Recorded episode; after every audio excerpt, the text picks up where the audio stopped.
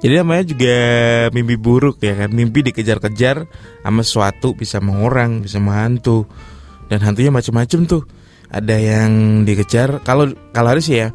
Kalau dikejar sama kuntilanak mungkin agak bingung karena dia bisa terbang tuh.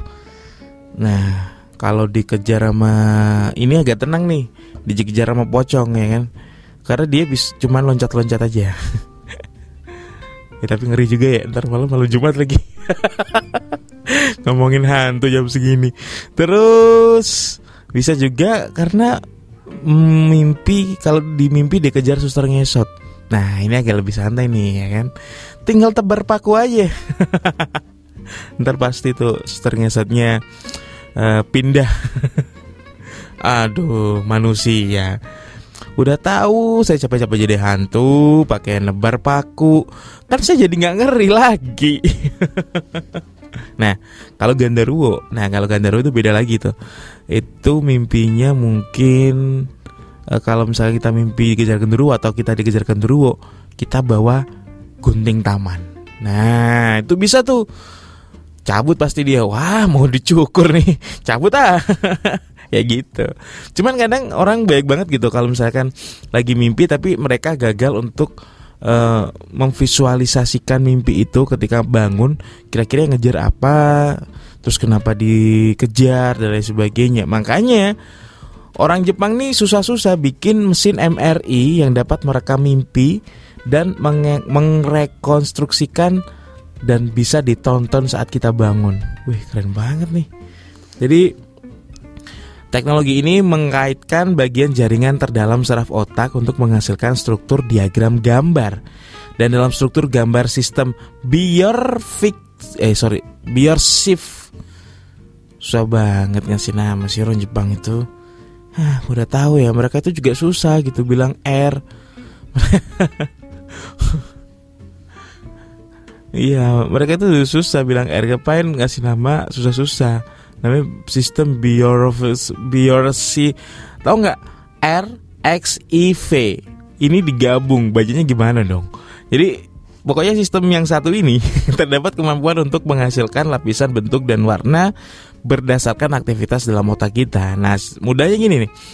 Sistem komputer yang mereka ciptakan dapat menghasilkan gambaran tentang apa yang dipikirkan dalam otak kita. Misalkan ketika kita mimpi. Nah, itu kan yang lagi jalan tuh otak kita tuh meskipun kata orang kan itu nyawanya lagi jalan-jalan tuh, Pak.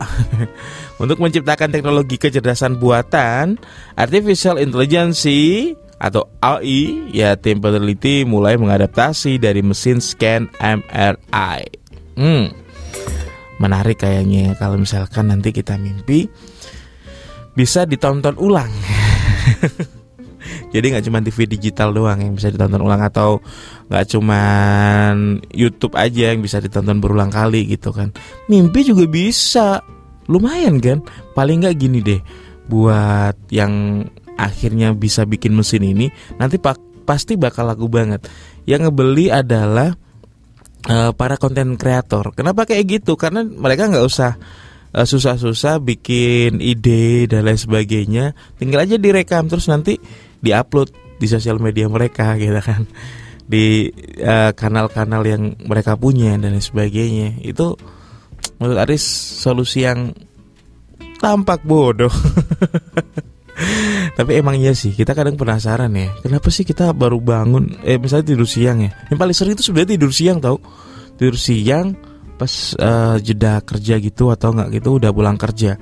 Itu rasanya badan itu remuk sekali, bangun-bangun, terengah-engah itu udah pasti kayak gitu.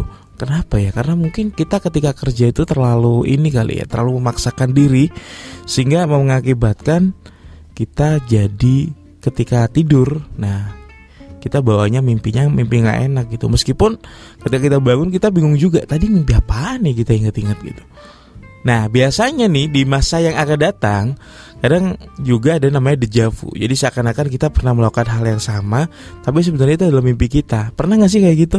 Aris pernah kayak gitu. Lah ini perasaan saya pernah kayak gini nih. Tapi di mana ya? Saya pernah nih kenalan terus kemudian berjabat tangan terus kemudian tukeran nomor handphone pernah nih kayak gini nih. Nah nomornya sama gitu.